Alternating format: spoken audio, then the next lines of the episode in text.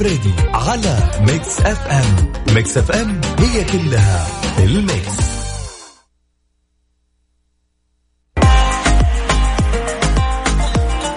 اليوم يقولوا لك إنه الخميس الونيس. لا دقيقة هذا كذا الموسيقى الأيام العادية. اي عطنا الخميس. خلينا نستانس عن الخميس. هو يوم جميل ويعتبر هو اليوم 26 بالأمس كان يوم جميل جدا. في مسي يعني مهنة كبيرة كان هذا اليوم العالمي لها. أنا مصمم أنها تكون من ضمن مواضيعنا اليوم. فلكل آه، اللي معانا اليوم استمتعوا. موضوعنا اليوم خليني أسولف معك يا صديقي بشغلة. الحين أنا لو سألتك لو اننا بنغار منك نغار منك على إيش؟ ليس سؤال تهكميا بس عن جد بعض الناس تغار منه لأنه أذكى منك تغار منه لأنه مثلا أفصح منك تغار منه لأنه وصل إلى درجات أكثر منك. بسالك هذا السؤال من تغار منه؟ وإحنا لو نبي نغار منك نغار منك ليش؟ طبعا نذكركم بأرقام التواصل على صفر خمسة أربعة ثمانية ثمانية أحد سبعمية أكيد عن طريق الواتساب. وكذلك اليوم آه، تقريبا بنخلي شيء خاص لمهنة جميلة. حتكون معانا اليوم.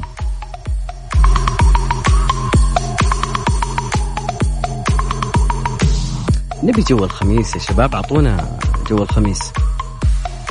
أبدأ إيه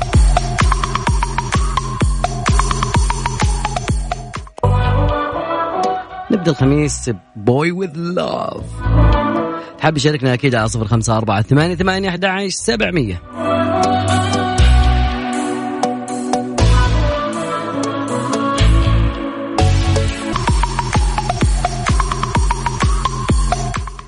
راجع معكم يا جماعة الخير. في ناس يقولون إيش تبي تتكلم عنه؟ أنا أقول لك يا صديقي شو بتكلم عنه؟ يعني يا صديقي إنه 25 سبتمبر من خلال أحداث هذا الأسبوع هذا كان هو اليوم العالمي للصيادله الصيدلي أي نعم الصيدلي اللي أنت جي بعض الناس لا يعني ودي أفهم مفهومكم عن الصيدلي شوي. هذا هذا يعني تقريبا من ضمن الأشياء اللي أنا ودنا اليوم نشوفها مع بعض. وإذا كان في مفهوم عن هذا الصيدلي في بعض الناس يعني يرى انه الصيدلي مهنة يقرأ الوصفة بس خلاص. هذا هذا هذا دور الصيدلي إنه يقرأ وصفة مكتوبة من الدكتور ويصرف الدواء الموجود عنده. لا لا الموضوع أكبر من كذا يا صديقي. هذا بنتعرف عليه اليوم. طبعا اعتمد الاتحاد الدولي الدوائي تقريبا يوم 25 سبتمبر يوم عالمي للصيادله أه تقريبا هذا اليوم يحتفل به سنويا ابتداء من عام 2009 ودعت جميع الجمعيات الوطنية للصيادلة على اللي على علاقة مع منظمة الصحة العالمية للاحتفال باليوم العالمي للصيدلي بطريقة مناسبة لتوعية الجمهور بدورهم وتشجيع الأنشطة اللي تعزز وتدافع عن دور الصيدلي في تحسين الخدمات الصحية. هذا الشيء اليوم بيكون معنا ضيوف كثير ولو كنت صيدلي اليوم آه، حاب تشاركنا بعد كذلك. نورنا بعض الناس يرى أن الصيدلي فقط يقرأ وصفة ومكتوب فيها آه خلينا نقولها يعني بالعام شخبطة الدكتور اللي مدري شلون تقرون الطلال لا لا ترى الموضوع مو أكبر من كذا.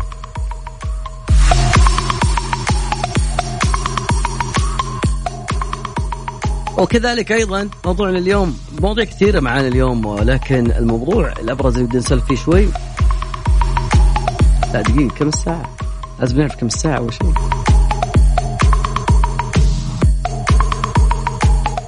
عط الساعة يا صديقي. الساعة السابعة وإثني عشر دقيقة في استديوهاتنا في ال Mix FM. وفقا لإدارة الطيران الفيدرالية FAA يوصى أن توضع السجائر الإلكترونية والأجهزة ذات العلاقة في الحقائب المصاحبة وليس في الحقائب المسجلة. مصر للطيران تتمنى لكم رحلة سعيدة. يا ذا الليل مع العنود وعبد الله الفريدي على Mix FM. Mix FM هي كلها في الميكس.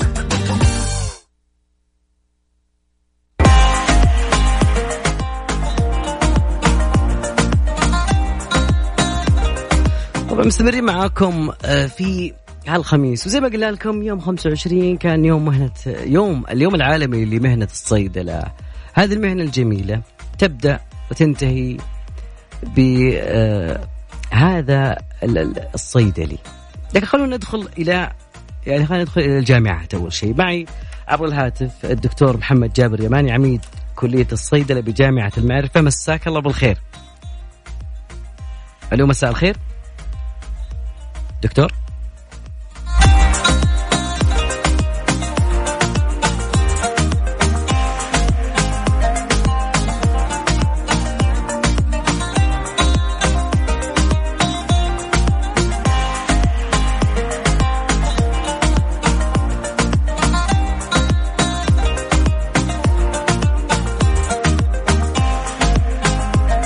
طبعا جاء okay. دكتور محمد جابر يماني عميد كلية الصيدلة بجامعة المعرفة. مساك الله بالخير. أسعد الله مساءك ومساء المستمعين والمستمعات. أهلا وسهلا. كل عام وأنت وجميع الصيادلة بكل خير. هذا شيء يعني خلينا نقول belated إنها لأنها متأخرة شوي لكن لا زلنا فيها. اليوم نتكلم عن الصيدلة يا دكتور محمد. ودنا نعرف هذا الصيدلي اللي يراه البعض أو العامة خلف الشباك أو خلف آه، المنطقة يصرف وصفه. هل هذا هو الصيدلي؟ بما أنك عميد كلية الصيدلة المجالك طبعا آه، اولا مهنة الصيدلة من المهن القديمة وأيضا آه، من المهن التي ستبقى وستظل.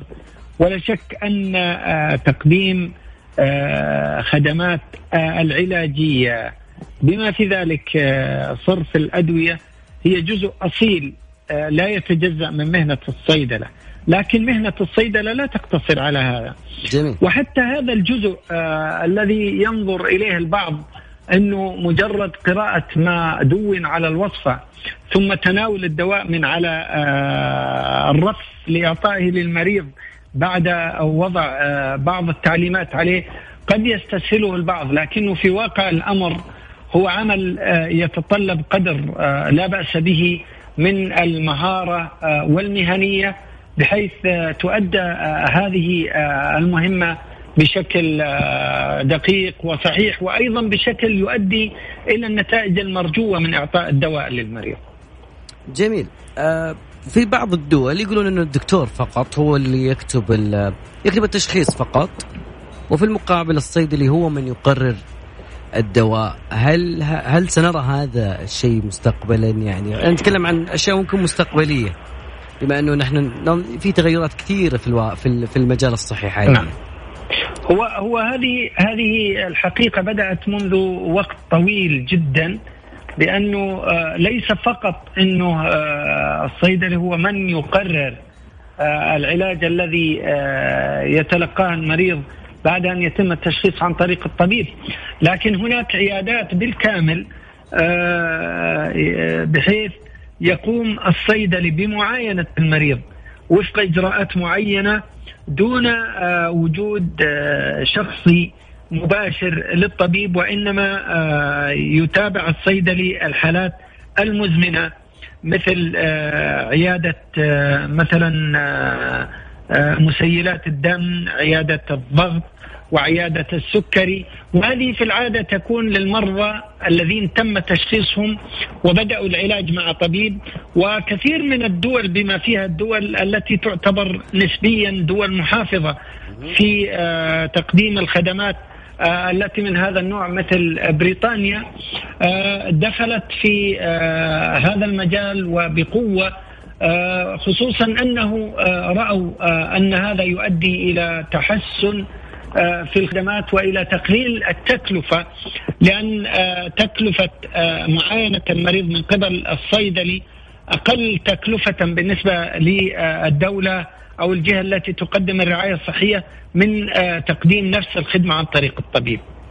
جميل آه المود يطول فينا المجال لأنه أنا داري إنه تقريبا إحنا في آخر يوم وآخر يوم العميد للكلية يكون يعني تقريبا طويل فشاكر إذا حاب تضيف أي شيء المجال لك دكتور محمد.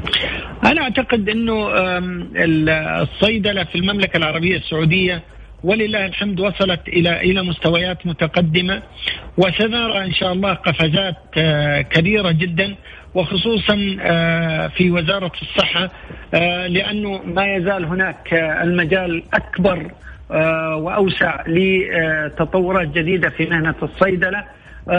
يعني لتقديم خدمات مميزة للمرضى من المواطنين والمقيمين وسنرى إن شاء الله تعالى ذلك في القريب العاجل باذن الله تعالى.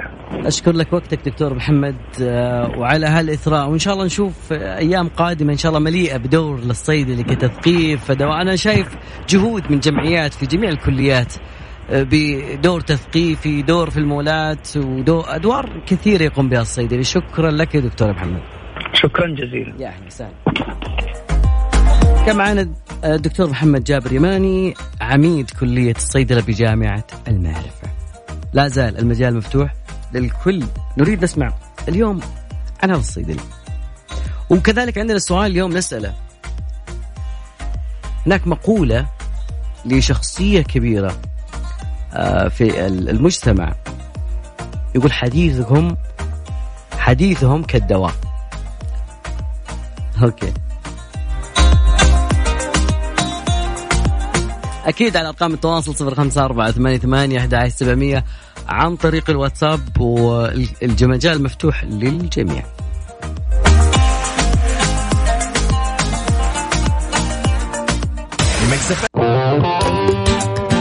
يا ذا الليل مع العنود وعبد الله الفريدي على Mix FM. Mix FM هي كلها في ال Mix.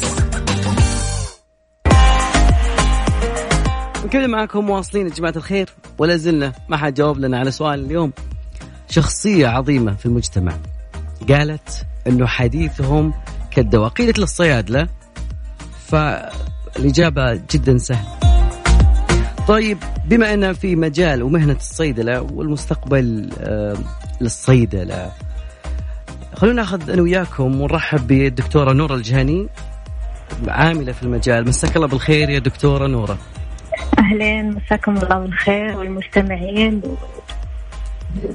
ونقول دائما كل عام والصيادلة كلهم بخير بمناسبة اليوم العالمي للصيادلة كل عام والصيادلة بخير والمملكة العربية السعودية برضو بخير. هو جدا جميل انه كان موافق تقريبا لليوم إيه؟ الوطني. عشان ما حد ينساه تقريبا المرات الجاية. آه، إيه؟ بما إنه كان في هذا الأسبوع وإحنا نتكلم عن حصاد الأسبوع اليوم العالمي للصيدل الصيدلي آه، الصيدلي مستقبلا. وش كيف ترينا؟ بالنسبة للصيدلي يمكن حيخف دوره ك إنه يصرف الدواء. يمكن ما راح تشوف آه، صيدلي أو إنسان يصرف الدواء لكن حيتجه دوره أكثر آه، من ناحية رعاية المريض. يعني حيكون دور الطبيب يشخص العلاج لكن دور الصيدلي يتابع المريض. هل العلاج مشى؟ هل العلاج له أعراض جانبية؟ هل بسبب هذا العلاج يحتاج أنه يسوي تحاليل؟ فحيكون دور الصيدلي مركز أكثر على العلاج خاصة المستقبل راح تكون أدوية متخصصة للمريض أدوية جينية. يعني دواء حيروح لمكان معين ويسوي اللي مطلوب منه ويطلع من دون ما يأثر على أجهزة ثانية في الجسم. فحيكون دور الصيدلي مركز في هذه النقطة. أكثر من أنه دوره في أنه يصرف الدواء وحبة ثلاث مرات. يمكن ما عاد نسمعها حبة ثلاث مرات في اليوم لأنه أتوقع حيصير في في اوجمانتد رياليتي تجي تصحي المريض وتقول له دواك الحين وخذه. هذا ما عاد صار دور الصيدلي صار دور الذكاء الاصطناعي. حتبدأ أجهزة. وأتوقع حتى الصيدليات الخارجية حتصير أكثر تطبيقات. يعني الدواء حيوصل للمريض للبيت لكن الرعاية هل يحتاج يسوي تحاليل يتابع؟ هذه حتكون دور الصيدلي اللي حيقول له. غير كذا حيخفف من العبء الاقتصادي على إنه كثير الحين ناس تنتظر مواعيد طويلة مع الطبيب على أساس إنه أعطيني بسأل على دواء. سؤاله يكون بس مجرد أدوية والدولة تتكلف في إنها يعني زيارة طبيب لكن لو تفاعل دور الصيدلي حيكون زيارة للصيدلي. عنده ملف المريض عارف إيش قاعد ياخذ أدوية. حيعطيه الجواب الصح واللي, واللي يكون فعال فعلا يعني يستفيد منه. ويخفف عبء يخفف عبء ناتج عن الأضرار الجانبية للدواء. لأنه لو كان هو يتابعه وعارف هذا الدواء حيسبب أعراض فحيحاول يخليه ينتبه منها. عارف مثلا إنه الدواء يسبب دوخة فممكن يقول له مثلا لا تسوق في في أعراض كثيرة. الصيدلي يكون أكثر عارفها وعارف إنه حتيجي المريض ممكن إنه الدواء يسبب إنه المريض سواء جسمه يتغير لونها فهو يخاف. فلما ينبهوا على هذه الأشياء حتقلل من أي عبء اقتصادي ناتج عن إنه المريض وقف الدواء بسبب إنه خاف من الأعراض الجانبية أو خاف من أي شيء. فعلا. أو صارت له فعلا أعراض جانبية. يعني أنت عندك 60% من المرضى اللي يدخلون المستشفى بسبب أعراض جانبية للدواء أو بسبب خطأ دوائي. فتفعيل دور الصيدلي حيخفف كثير من الأعباء اللي إحنا قاعدين نواجهها بسبب بسبب المشاكل الدوائية خلينا نقول. جميل جدا. أنا يوم خميس وأنا جدا يعني شاكر لك وقتك معنا أنا والله أشكركم وعلى على تفعيلكم للدور وتوعية المجتمع في دور الصيدلي. شكرا لك يا دكتور. وأتمنى أني أفدتكم. لا إحنا شاء خوفت الصيادلة شوي لأنهم خافوا على مهنتهم إنه مستقبلا ما راح يكون في صيدلي خافوا. لا هي حيكون في صيدلي بس دوره مختلف. يعني أنت لو شفت الصيدلي زمان م. كان هو اللي يركب الدواء. في الصيدليه يصنع الدواء. الحين ما في صيدلي يصنع الدواء.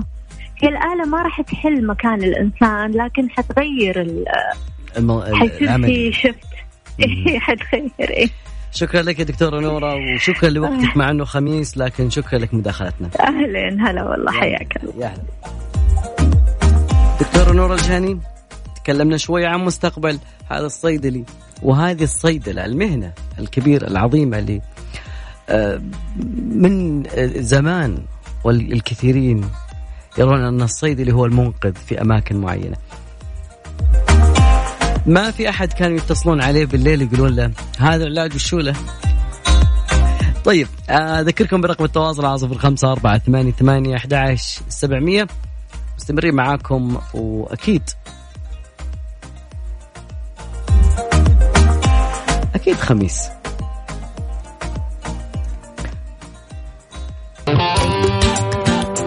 يا ذا الليل مع العنود وعبد الله الفريدي على Mix FM. Mix FM هي كلها في ال Mix. البعض زعلان يقول إني أنا مرة متحمس للموضوع. فعلا مجال الصيدله من المهن اللي تتحمس له. هو عضو من أعضاء ممارسين صحيين أو كادر صحي لكن البعض خلينا اليوم أعطيكم دوره بشكل جميل من كل الجهات وطبعا زي ما قلت أرحب بكل آه، زملاء المهنة. طيب ما دام إنك اليوم طالع خميس ومالك خلق خلي بعطيك أنا فيلم جميل. اعتبارا من اليوم بيعرضون فيلم ولد ملكا في المملكة والخليج. طبعا آه، أعلنوا آه، إنه راح تكون في تقريبا السادس والعشرين. من سبتمبر هو أول عرض للفيلم فيمديكم اليوم تشوفونه. احجز الفيلم أنا من الناس اللي شفت العرض الأولي شكرا للدعوة اللي وصلتني. والله صراحة أنا بتكلم من جد يعني بلا مبالغة الفيلم آه فيلم عظيم. فيلم عظيم وشخصية عظيمة. تجسيد للشخصية العظيمة الملك فيصل كانت جدا جميلة.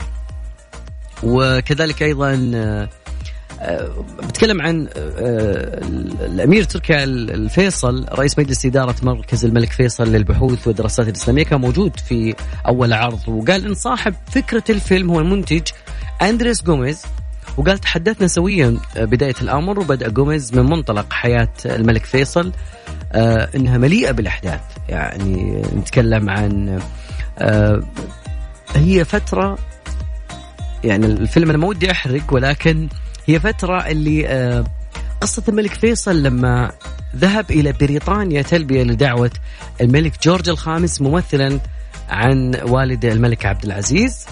هذه فترة يعني أنت تخيل معي بس السيناريو قبل لا تدخل تروح الفيلم. تخيل آه، دول عظمى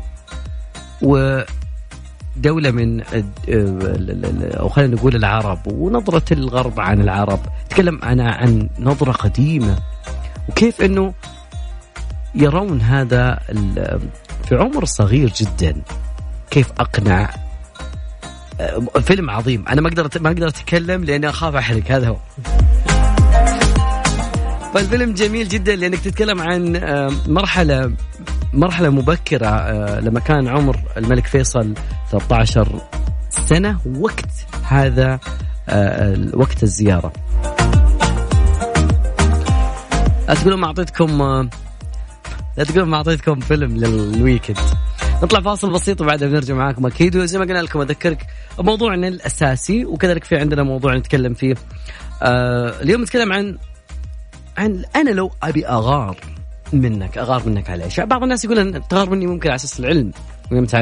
بعض الناس يقول المهنة نفسها فاليوم نتكلم عن مهنة بعد كذلك آه، كان لها اليوم العالمي للصيدلي الصيدلي المهنة العظيمة اللي حديثهم كالدواء وما حد جاوبني لحد الآن من هو صاحب هالمقولة اللي قال حديثهم كالدواء.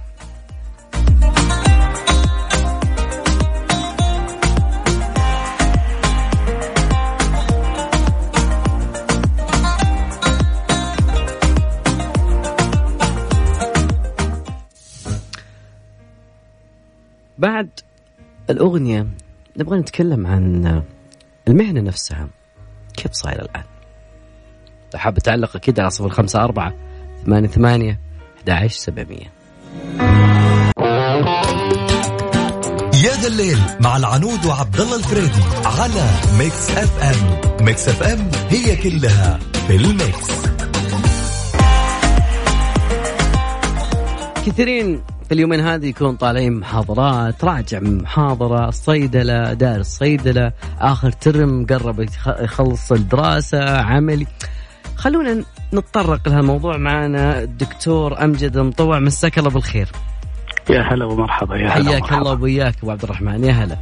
الحقيقة كلامك على ما قال الحديث له شجون. فأنا قاعد أتكلم أنت قاعد تتكلم عن ذاكرة لي قديمه لكنها الحقيقة كان فيها يعني أشياء جيدة وأشياء غير جيدة. ما جميل. نقول أن الصيدلة صعبة إن شاء الله أنها سهلة ممتنعة على ما قالوا لكنها كدراسة تحتاج التركيز وتحتاج أنه يكون الإنسان قريب ومحب للعلم هذا. يقولون صعبة تقريبا لأنه فيها أسماء ومصطلحات وترمينول وأشياء كذا يعني صعب. يقولون ما شاء الله كمبيوترات. الصيدلي يكون كمبيوتر ما شاء الله عليه. كل الأدوية موجودة داخل وتفاعلاتها وتداخلاتها. ف نعم. خلينا نتكلم اكاديميا. من أين يبدأ الصيدلي؟ في صيدلي قانوني، هناك صيدلي أيضا يقولون صيدلي كلينيكي. نعم. بعدها كذلك يعني يتفرع كذلك آه، اقتصاديات الصيد. ودنا نعم. يعني تتكلم عليها بشكل حتى يكون اللي على مقعد الدراسة يسمع من أبو ما أبو عبد الرحمن القصة كيف. طيب كيف كيف يبدأ وكيف ينتهي؟ هذا هو. لو رجعت يعني خلينا نقول أكثر من 20 سنة أتذكر هذه الأشياء كأنها اليوم. لكن عموما مهنه يعني آسف دراسة الصيدلة خلى المهنة شيء آخر. لكن دراسة الصيدلة نعم مثل ما قلت فيها يعتريها من الصعوبة. لكن مو معنى أنها صعبة. يعني هي مثل ما قلت في أول الأمر يعني صعبة ممتنعة أو نقول سهلة ممتنعة. هي تحتاج تركيز تحتاج أن يكون الواحد عنده ملكة ذاكرة جيدة تحتاج تكون عنده متابعة. لا أخفيك ما كنت من الممتازين أو الجيدين بل ممكن من المتعثرين في مرحلة البكالوريوس. لكن يمكن مرحلة الماجستير بدأ الوعي يكون أفضل فكان التركيز أعلى. تحتاج مثل ما قلنا تركيز، تحتاج أيضا لأن الواحد يقوي ملكته في الحفظ، تحتاج حفظ كثير، الصيدلي يتخرج يعني على ما قالوا مخزن للمعلومات ثم يعني يا يطورها يا تنحصر عنده بعد فترة. في على ما قالوا العمل. على كل حال الصيدلة الآن انحصرت حتى أصبحت تقريبا صيدلة إكلينيكية وأي سريرية. طبعا صيدلي قانوني كان يقال كان يقال سابقا صيدلي آه، قانوني أو هو صيدلي مع بكالوريوس وكان المسار الوحيد الموجود سابقا أن يكون الصيدلي بعد البكالوريوس ياخذ ماجستير ثم دكتوراه PhD لكن الآن أصبحت المهنة الصيدلة أكثر من ناحية مهنية أكثر يعني تعطي درجات مهنية أكثر مما تعطي درجات أكاديمية. فالآن يتخرج الصيدلي PharmD آه ثم عاد اللي هو دكتور صيدلي مع بكالوريوس يعتبر. ثم عاد يتف... ثم عاد يأخذ الريزيدنسي بي جي واي 1 بي جي واي 2 بي جي واي 3 ويتخصص في هذا المجال. جميل. و... أين وين الدكتوراه في الموضوع؟ أنا أنا قلت لك طبعا آه okay. نعم. الدكتوراه طبعا الدكتور أنا قلت لك إن المسار السابق كان يكون معه bachelor ثم عاد يدخل في آه، ماجستير ماجستير pure في في أحد مجالات الصيدلة ثم عاد دكتوراه في آه، مجال أدق في أحد مجالات الصيدلة. الآن الآن تعتبر الدرجة ال PharmD درجة مهنية درجة صيدلة مهنية تدعى Doctor of Pharmacy أو doctor pharmacist أو PharmD. ثم يتطور يعني يكون عنده residency آه، آه، فيتخصص في أحد مجالات الصيدلة ثم يتخصص أكثر. مثلا يتخصص؟ صيدلي كلينيكي أطفال أو كلى. ثم عاد أيضا يتخصص ويصبح استشاري في أحد المجالات اللي تخصص فيها سابقا. يعني فهذا الآن المجال اللي هو ال PharmD أو أو الصيدلة السريرية هي المجال الآن الموجود. في وقتنا أن كان اليوم ما كانت إلا في جامعة واحدة جامعة الملك سعود وتخرجنا من هذيك الفترة. كان المجال الأكاديمي هو الأغلب.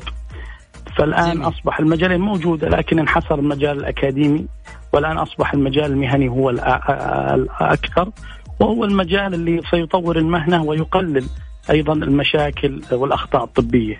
جميل. دكتور أمجد شكرا لمداخلتك. وقتك الثمين. وأدري إنه الخميس دائما يكون وقت مشغول. آه، الله يبارك فيك وكذا وبعد نهايه الدوام. في الخدمة أي وقت. وشكرا على هذا الاتصال الجميل وأنا حقيقة أي شيء يخص المهنة نحن نكون داعمين له دوما وابدا. نقول بعد كل عام والصيدله بخير بمناسبة اليوم. الله يحفظك. شكرا. حياكم الله. في أمان. كمان الدكتور أمجد العم... المطوع. وكذلك. طيب. آه فاصل بسيط. ومستمرين معاكم اليوم. آه تقريبا نبي نخليها مرجع للجميع. كلها ال mix. ما دام إن تكلمنا عن دراستها اكاديميا وعن كيف موضوع الصيدله وكيف إنه الواحد مع بدراستها تخصص المستقبلي العلم كيف يقول عن موضوع الصيدلة. خلونا نتكلم عن المهنة نفسها حاليا. معي عبر الهاتف الدكتور آه، محمد الشناوي آه، مدير الرعاية الصيدلانية بوزارة الصحة. مساك الله بالخير.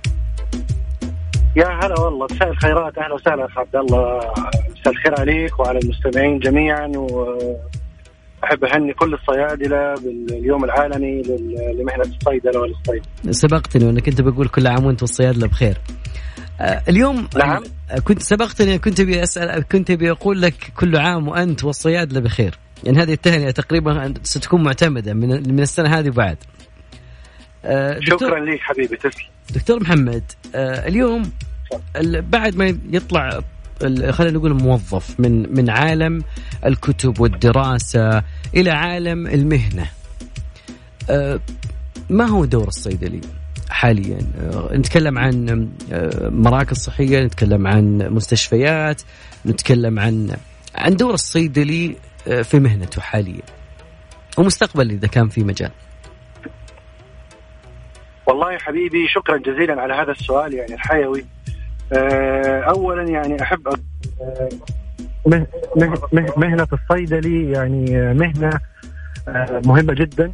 ومو أنا مثلا أو غيري اللي راح نشرح المهنة. يعني المهنة لها رجالها ورجال كثيرين جدا ممكن إن هم يشرحوها بشكل كامل. الصيدلي هو عضو في الفريق الطبي جميل. وليس نقدر إن إحنا ما نقدر نقول إنه هو أهم عضو في الفريق الطبي لا كل الأعضاء مهمين. ولكل عضو من الفريق الطبي أهميته في آه، آه، في في عمل الفريق. آه، الصيدلي هو المختص بجزئية الدواء. جزئية الدواء تشمل من الطبيب إلى إلى ما توصل للمريض. بدءا بزراعة المادة الطبية لو إن هي مادة طبيعية مرورا باستخلاصها وتجهيزها وتجهيز المواد الكيميائية وتحضير الحبوب وصناعتها والتأكد من جودتها ومن ثم توصيلها إلى المستشفيات أو الصيدليات ومن ثم صرفها للمريض ومن ثم متابعتها بعد صرفها للمريض على كيفية أدائها وعملية آه، صلاحية وإنتاجية وفعالية هذا الدواء الذي اعطي للمريض. جميل أه حاليا أه دور الصيدلي أه هل يتمثل فقط في الصرف؟ لأنه أنا أتوقع أنه مستقبلا أه حتتغير المهن وبالذات تقريبا الصيدلة فهل مهامه تغيرت حاليا؟ آه، آه، طبعا كل شيء لأنه كل, لأنه كل مهنه كل مهنة بتخضع للتطوير نعم التطوير اللي داخل في مهنة الصيدلة الآن آه، إنه المهنة تتحول من فقط مخزون أدوية أو صراف أدوية أو شخص عادي يعد الحبوب ويعطيها للمريض إلى شخص من ضمن الفريق الطبي بي بي بي بي بيوثق عملية إعطاء المريض بي بيدخل في عملية توعية للمرضى وتوعية للمجتمع كله بشكل عام. يمكن يمكن التركيز الآن قاعدين نقول صيادله المستشفيات صيادله المستشفيات ولكن أعتقد الآن يمكن التركيز على صيادلة الصيدليات المجتمعية والصيدليات الأهلية. هذول أغلب يعني أغلب ال ال ال ال المجتمع أو أفراد المجتمع هم بيتواجهوا مع الصيادلة في الصيدليات المجتمعية. إحنا نبغى إن إحنا نطلع من وصف صيدله صيدلية أهلية أو صيدلية خاصة إلى صيدلية مجتمعية. لأن هي بتوصل التوعية توعية الدواء إلى جميع المجتمع. ما هي فقط محصورة على إن هي صراف أو بقالة تصرف الأدوية وبس وخلاص لا لها توعية ولها دور مهم جدا يجب اللي هو الآن نركز عليه وفي عيادات الآن بتطلع وبيكون فيها صيادلة وبتغطي صيادلة عندنا صيادلة ما شاء الله عليهم. عيادات زراعة الأعضاء عيادات القلب عيادات أدوية المسيلة للدم عيادات السكري عيادات الكلى جميع أنواع التخصصات فيها صيادلة. وواجبنا الآن إن إحنا ننقلها إلى المجتمع، يعني ما نكون فقط محصورين في المستشفى. لا الصيدلي موجود في كل مكان ما شاء الله المهنة تشمل كل كل التخصصات من الأكاديمي إلى المصانع إلى المستشفيات إلى الصيدليات المجتمعية آه كله كله إلى علم السموم. فالصيدلة يعني ما شاء الله عليها يعني آه مجالها واسع جدا يعني. جميل جدا. آه إحنا إحنا نتمنى دائما أن نرفع درجة الوعي للمجتمع انه يعرف الدور الصيدلي وخصوصا بالتزامن مع اليوم العالمي لمهنه الصيدله أو للصيدلي بشكل عام. أشكرك بالضبط. جدا على وقتك الثمين دكتور شكرا محمد. حبيبي شكرا للاستضافة وكل عام وأنتم بخير إن شاء الله. شكرا لك في أمان الله يا أهلا. شكرا جزيلا. كان معنا عبر الهاتف الدكتور محمد الشناوي مدير الرعاية الصيدلانية بوزارة الصحة. تكلمنا عن المهنة بشكل مقتضب وبشكل بسيط آه ولكن آه شيء ما راح نقدر نغطيها بشكل آه كامل يعني فعلا هذه مهنة كبيرة. إذا ما تعرف إن في شيء اسمه صيدل صيدلة نووية هذا عالم آخر وبحث آخر وشيء آخر. خلونا نطلع لفواصل بسيطة وبعدها نبي نتكلم عن فعلا أشياء حدثت وتحدث اليوم.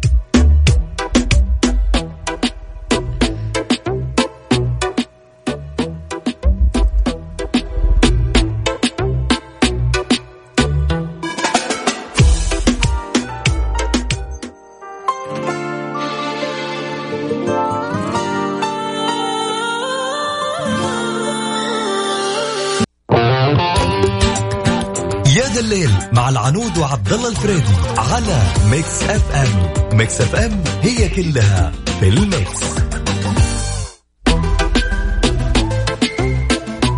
مستمرين معاكم. والله ماني دخل بس إنه في هدف لسكر القصيم ضد الهلال. دقيقة أربعة. يا الهلال. ولا ولا قدم وبعد ما أدري. يقدم السبت يحصل الحد.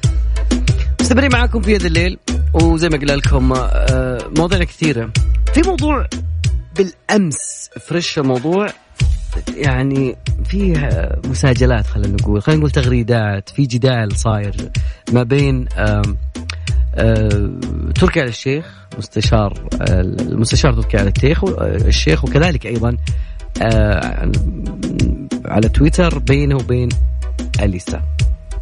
يسار خوري كيف بدا الموضوع وكيف صار الموضوع بدا من تغريده للفنانه اللبنانيه اليسا ردت فيها على احد معجبيها um, when you want to see me in the concert it's it will happen if the time is right. You don't have to ask anyone for it because I am where I deserve to be.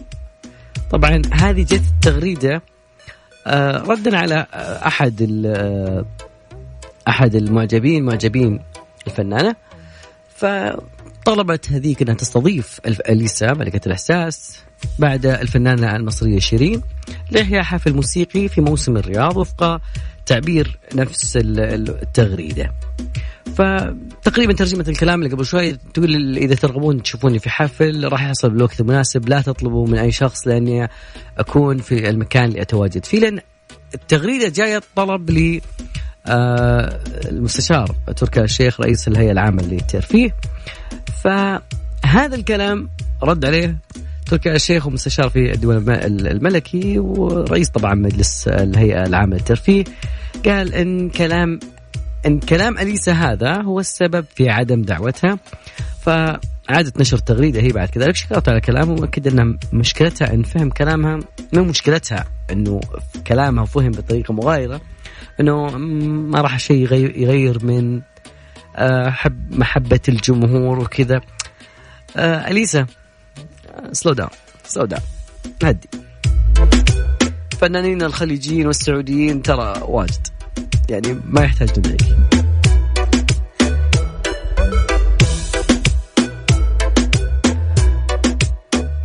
طبعا أليسا في الآونة الأخيرة بادية يعني بتطلع من المجال أبي أستقيل أبي أخرج من المجال إني أنا ما آخر ألبوم لي كأنه أليسا تبحث عن الشهرة بطريقة يعني تعالوا شوفوني. هذا كان الكلام تقريبا ليلة البارحة. نبي نتعرف بعد كذلك على شغلة جميلة. في أحد المسافرات في تخيل يعني أنت يعني في الطيارة. طبعا في ناس عندهم مشكلة في موضوع الأماكن المغلقة. ولما يكون في مكان مغلق ينكتم ورهاب من الأماكن المغلقة الأماكن الضيقة. لكن ما يخليك ولا يعطيك الحق إنك تفتح باب الطوارئ حق الطيارة. لأنك تبي تقلب جميع اللي في الطيارة كأنهم في خلاط. ف طبعا هذا الكلام صار يا جماعة الخير على الخطوط الجوية تابعة للخطوط الجوية الصينية في 23 سبتمبر. طبعا وفقا لطاقم طائرة لما اكتمل العدد استعدت الطيارة للإقلاع. المرأة حست بضيق بالتنفس وكانت خايفة للغاية. تقريبا هذا زي رهاب الأماكن المغلقة. فتحت مخرج الطوارئ للحصول على بعض الهواء النقي. المهم طاقم الطيارة والمتجهون وقفوا واعتقلوا المرأة ولما سألوها قالت أنا أبغى بس هواء نقي. هواء نقي طبعا في مواقع التواصل الاجتماعي صورت كل الحادثة من بدايتها.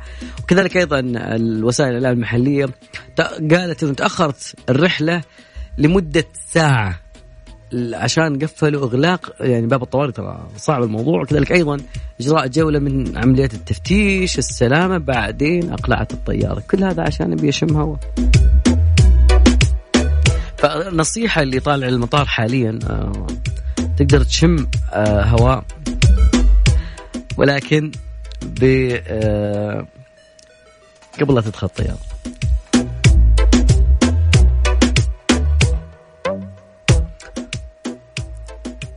بعد بعد شوي نبغى نتكلم عن تخيلوا معي إنه آه، بما أن نتكلم عن الأحلام وما الاحلام الذكاء الاصطناعي دخل على المجال. إحنا نتكلم عن مهنة الصيدله نتكلم عن يكون في مثلا صيدلية داخلها جهاز فقط يبحث عن دواء ويعطيك الدواء. الآن الذكاء الصناعي يقولون تفوق على الأطباء في دقة تشخيص الأمراض. فاصل راجعين. أذكركم برقم التواصل على 054 88 11 700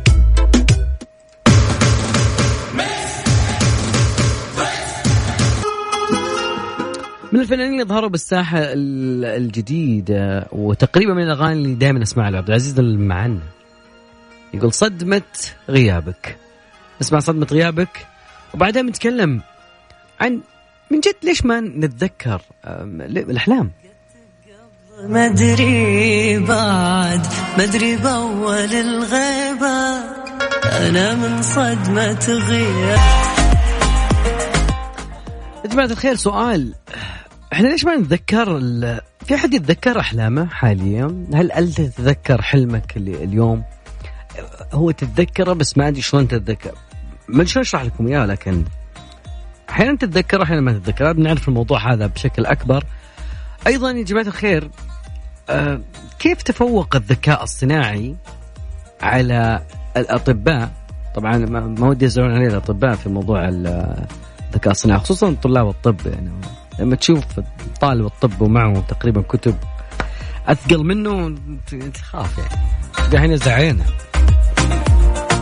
فدراسة جديدة سواها كشفت إنه أفضل آه، ان الكمبيوتر أظهر مهارات أفضل من كثير من الأطباء في اكتشاف الأمراض بواسطة عمليات المسح. تمكن فيها الذكاء الاصطناعي من تشغي تشخيص المرض بشكل صحيح في تقريبا 87% من الحالات. ما يزيد على تقريبا 1% عن تشخيص الأطباء. الأطباء كانوا تقريبا 86 بشكل صحيح. والله بعض الأطباء صراحة كأنك داخل ورشة. تسأل هذا وش إيش الخربان هنا؟ يقول لك الدينامو. بعدين تروح الثاني يقول لك لا اللمبات. اللي دخل صناعية واجد زي وبعدين يجيك واحد يقول لك لا هذه كلها فيوز صغير فزي كذا أحيانا بعض الأطباء على الأول يقول لك لا أنت عندك ظاهر قولون. الثاني يجيك يقول لك لا أنت عندك معدة. جرثومه معدة. لا أنت.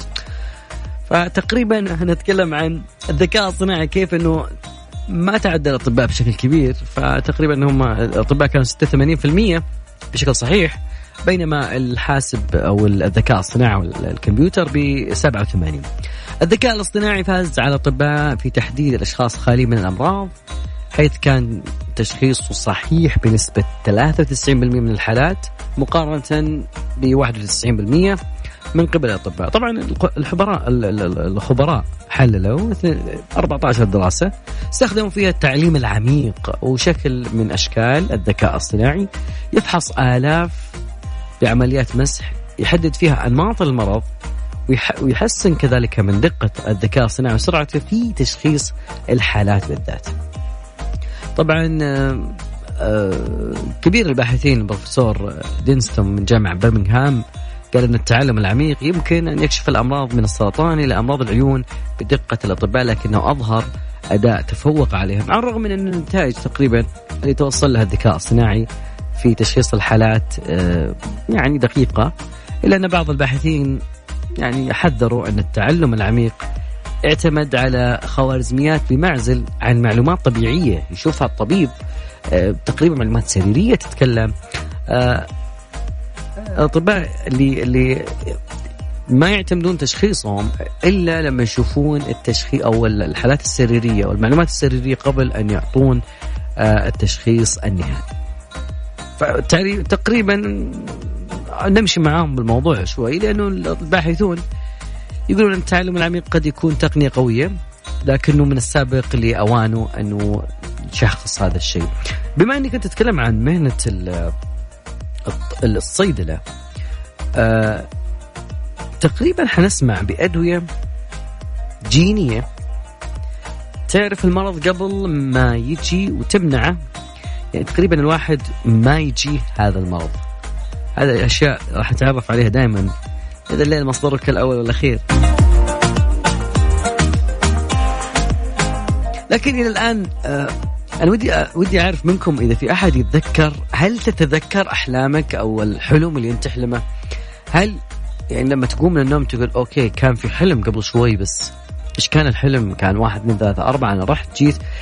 نادرا أنت 365 يوم تنام. ما تتذكر منها يمكن تقريبا إلا حلم واحد أو اثنين. يمكن والله في حلم تلقى نفسك جالس تلعب شطرنج وشوي رايح من هنا. في أفلام كذا ما لها ما لها علاقة بالواقع نهائي ما, تشتكي أضغاث أحلام. ما أقول عن الرؤية شيء لكن هذه أضغاث أحلام. هنعرفها بعد شوي؟ نشوف موضوعها بشكل أكبر وأكبر.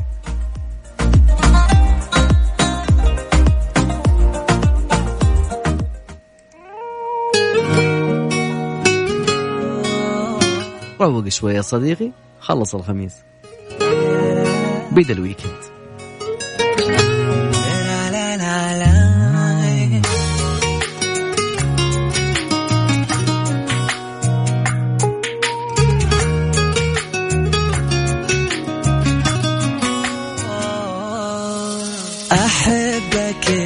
مريدان الطعم اللي تحبوه بالسعر اللي ترضوه. برياني لحم أو كبسة لحم ب 39 ريال فقط. للاستفسار 92 5 صفار 4 3 ريدان الريادة يحكمها المذاق. تطبيق المطار. معاك وين ما رحت. حمل تطبيق المطار الآن.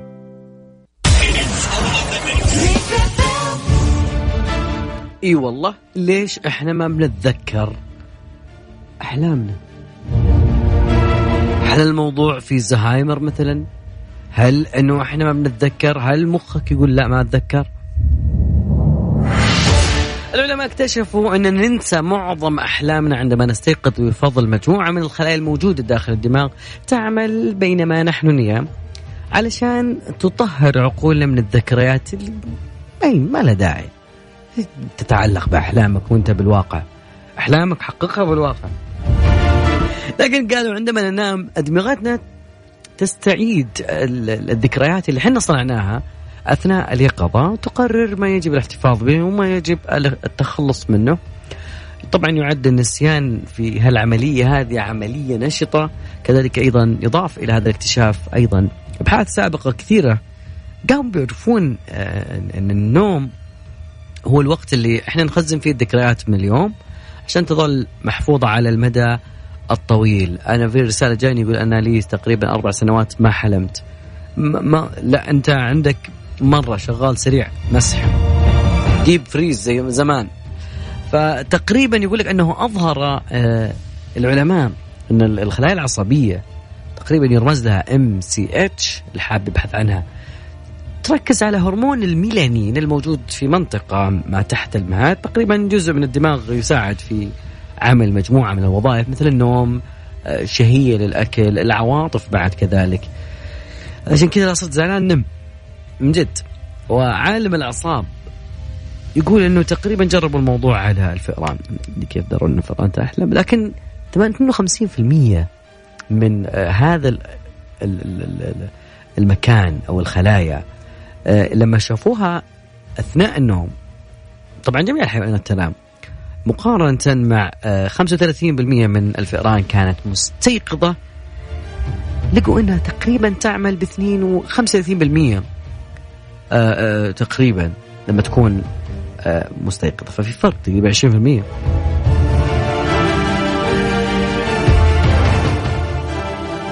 الباحثون وجدوا أيضا إن الخلايا تبعث رسائل طول الوقت.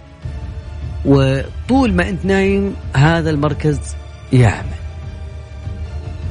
آه في ختام الموضوع الدكتور آه روسي تكلم يقول إنه نعتقد إن الأحلام ممكن تحدث عندما تكون هناك حركة العين السريعة. فإذا شفت شخص جنبك نايم وعينه تتحرك سريع وهو نايم ترى مو قاعد يمثل عليك هذا وقاعد يشوف حلم يعني يمكن قاعد يغرق خويك جنبك بس بالحلم طبعا. طبعا هذه المرحلة اللي تنشط فيها خلايا ال MCH وتنشيط هالخلايا قد يمنع تخزين محتوى الفيلم أو الحل هو فيلم طبعا في آه هذا المكان. وبالتالي تقريبا اول ما تساله يقول ما أدري إيش حلمت فيه بس إنه كان يخوف.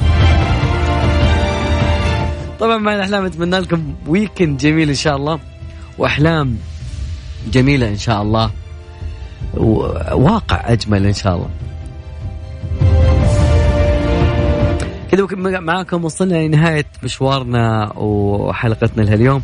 أتمنى أن قدمنا معلومة جميلة ومرجع آه، لكل الصيادلة اليوم وتحية لهم كذلك ولكل المهن.